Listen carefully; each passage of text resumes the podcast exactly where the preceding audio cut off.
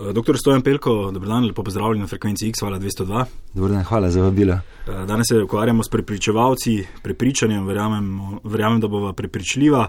Eh, kaj je pravzaprav ključno za dobrega prepričevalca? Že, že vprašanje ste povedali več oblik te, te dejavnosti in meni zmeraj na nek način se preplašam, kadar tako skoči na negativno, ne? ker se zdi, ja, kdo pa vse nas hoče, ok, slabega prepričati. Se mi zdi, da se treba spomniti, da v bistvu sami pričakujemo od uh, dobrega romana, da je prepričljiv, hočemo od filma, da nas prepriča.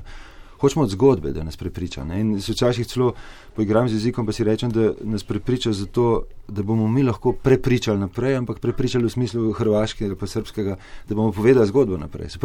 Za me je eno od kriterijev tega, da je prepričevanje uspešno, da smo sposobni to, kar slišimo uh, in da verjamemo v to, povedati tudi naprej. Uh, Uh, tako da, če bi hotel še naprej to besedno igro, bi rekel, v prepričevanju je noter priča, ne? je torej tisti neki očividec, ki mora biti kredibilen, brez tega pač ne bomo kupili njegove zgodbe, ampak je pa tudi priča v smislu zgodbe, v smislu naracije. In se mi zdi, da vsakič, ko se ukvarjamo s prepričevanjem, bodi si v negativno, bodi si v pozitivno, moramo pogledati, ali verjamemo priči in ali je zadaj dobra zgodba. Ehm, seveda, kadar želimo verjeti, pa nekaj pričakujemo. Ne? Drugače pa je, kadar nas kot pripričevalci pripričujejo neke avtoritete, ne? Eh, ki skušajo vplivati na mnenje nas kot posameznikov ali pa družbe. Ne? In tukaj pa eh, smo seveda na tankem ledu. Ne? Kako vplivati na ljudi je najbrž eh, ena večnih dilem in skrivnosti dobrih politikov, dobrih gospodarstvenikov, tudi dobrih šefov na zadnje. Ne? Ja, in tukaj se mi pa zdi, da se na nek način rekel napredek, ne gre nujno naprej, ampak včasih tudi regresira. Jaz mislim, da se danes zavestno uh, zgublja distinkcija med nekaterimi stvarmi, ki so bile zelo ostro razdeljene. Jaz bi rekel na področju prepričevanja, med propagando, med reklamo, med manipulacijo. Za me je temeljni, bi rekel, problem manipulacije, da morda sicer. Eh, konstruira realne elemente, ampak jih uh, sestavi na način, ki jih odmakne od realnosti. Uh mhm. -huh. In ta, uh, zato si ne smemo biti, kadarkoli imamo občutek, da smo z komunikacijo manipulirani, opozoriti na njeno neresničnost. Tako da, če me vprašate, kako vplivati na mnenje ljudi, jaz mislim, da je vse proces človeške komunikacije je na vrste vplivanja, ampak vedno se moramo na nek način vprašati, kaj zadaj. Da, kaj je zadaj, pa pomeni včasih zelo hudo, grobo prodajno intenco, včasih čisto politično manipulacijo, včasih pa tako kot v primeru, ki ste ga delili z mano, te uh, kohecke deklice, domnevne. Uh, Uh, pomeni pa dejansko čisto sfabricirano fikcijo, zato da se povzročajo realni učinki. Tukaj se mi pa zdi, postane pa pomemben glas uh, kritičnih medijev, kritičnih intelektualcev, kritične javnosti, ki reče: hej, tega se pa ne pustimo. Ne. Eh, imate občutek, da se tudi v vojnah, ki potekajo zdaj, pa recimo predvsem pri begunski eh, tragediji, trenutno v zadju, eh, potekajo tudi kakšne prepričevalske kampanje v Sloveniji in tudi v Evropi. Včasih se zdi, da ne vemo točno, ne, kaj zdaj pomeni zid, kaj pomeni eh, izjave nekaterih politikov, ne na zadnje tudi, kaj pomenijo nekatere eh, čudna poročanja nekaterih medijev. Ne. Absolutno. Jaz mislim, da zelo brutalno rečeno, večji, ko so zastavki, večji so tudi manipulativni in manipulacijski vložki. In uh, katero koli trenutno svetovno žarišče pogledate, boste videli, da imate zadaj ne samo propagandne mašine, ampak da imate dobesedno vojne propagandne mašine. In uh, jaz lahko rečem, zadnje tri leta sem delal za Evropsko unijo in uh, na Kosovo in seveda smo bili v mnogih teh. Uh, kako bi temu rekel, komunikacijskih kanalih. In je bilo presenetljivo videti, kako relativno visoko v strateških oddelkih eh, zunanje politične oddelke Evropske unije, se recimo tretira nekatere ruske akcije kot čisto vojno propagando. V smislu, ampak ne mislim samo o Russia Today, recimo kot v enem kanalu, v katerem se veliko investira, ampak tudi to besedno o celih uh, gverilskih uh, vodih, uh, ne samo blogerjev, ampak tudi, bi rekel, računalniških hekerjev, ki to počnejo. Skratka, jaz mislim, da bili skrajno naivni, bi, ampak vse zato smo, to nam je snov, da povedo, to nam je sanjsko, bili bi skrajno naivni, če bi danes mislili, da to ne poteka.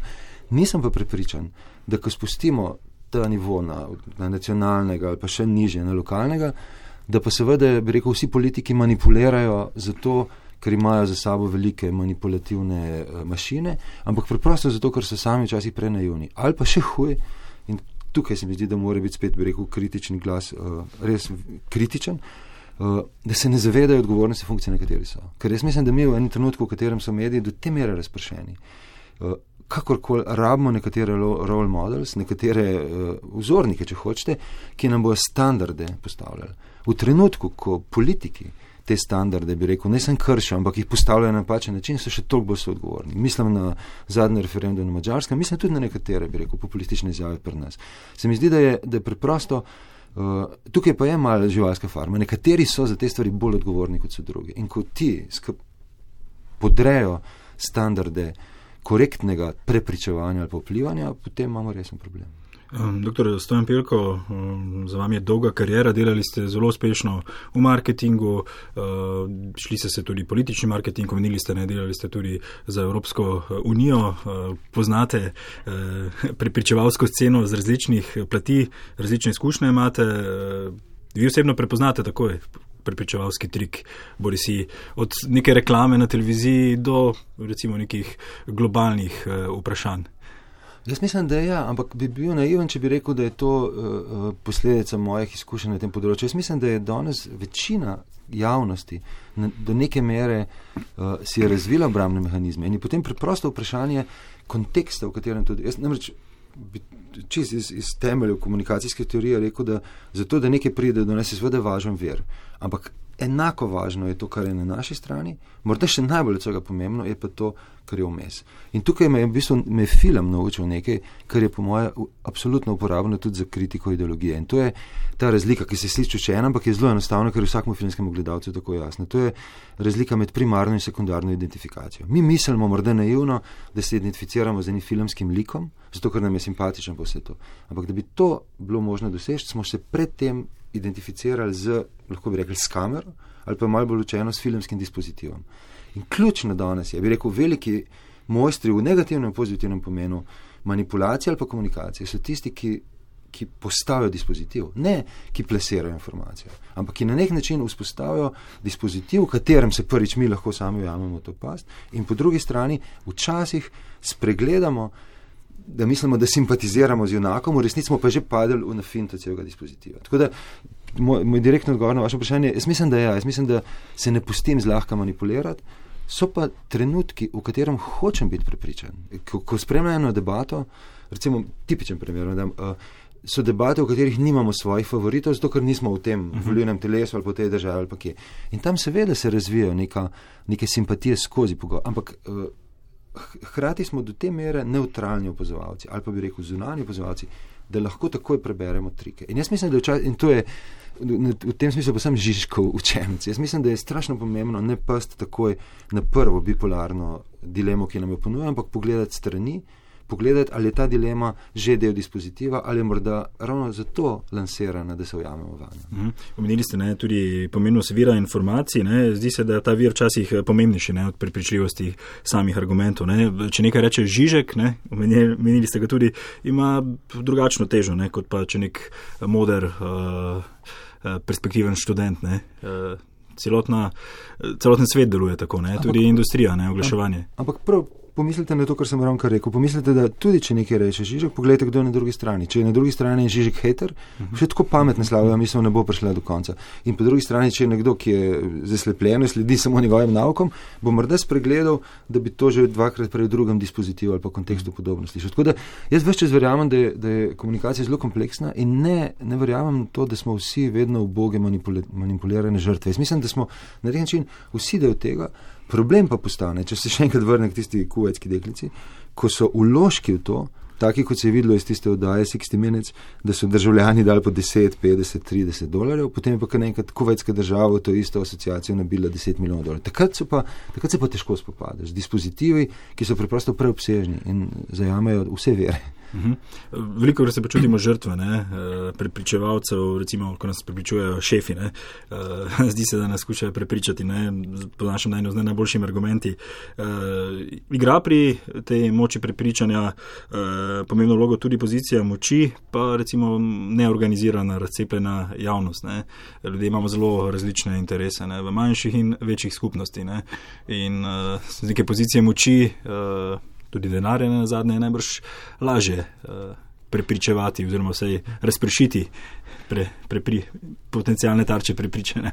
In obratno, in obratno. Verjemite, da je včasih ko, ko, pa, ko pa percipirate nekoga, da se na vas naslavlja z pozicije moči, morda včasih niste pripravljeni sprejeti katerega od njegovih argumentov, ki so pa morda zelo realni. Tako da tukaj je uh, moč multitude, če uporabim ta mhm. negrev, pa hardo izraz, včasih taka, da lahko spodnese še tako pozicijo moči. Mhm. Preprosto zato, ne, ne nujno, ker je količina tako velika, ampak zato, ker je ker je število tistih pogledov strani, o katerih sem prej govoril, tako raznoliko, da preprosta pozicija moči ne zdrži in se počasi suje. Tako da, uh, ja, zelo težko se spopadati, bi rekel, z velikimi mašinami. Ampak v, v zgodovini filmskih gibanj, v zgodovini revolucionarnih gibanj, vedno se je skazalo, da na, na začetku so bili tri, štiri, mulci, fanti, punce, gospodje, gospe, tovariši ki so nekaj naredili, in potem se je začelo to, bi rekel, mrežno širiti. Zato se mi zdi, da je ni pozicije, ki je ne bi bilo možno problematizirati ali pa bi rekel celo sesud.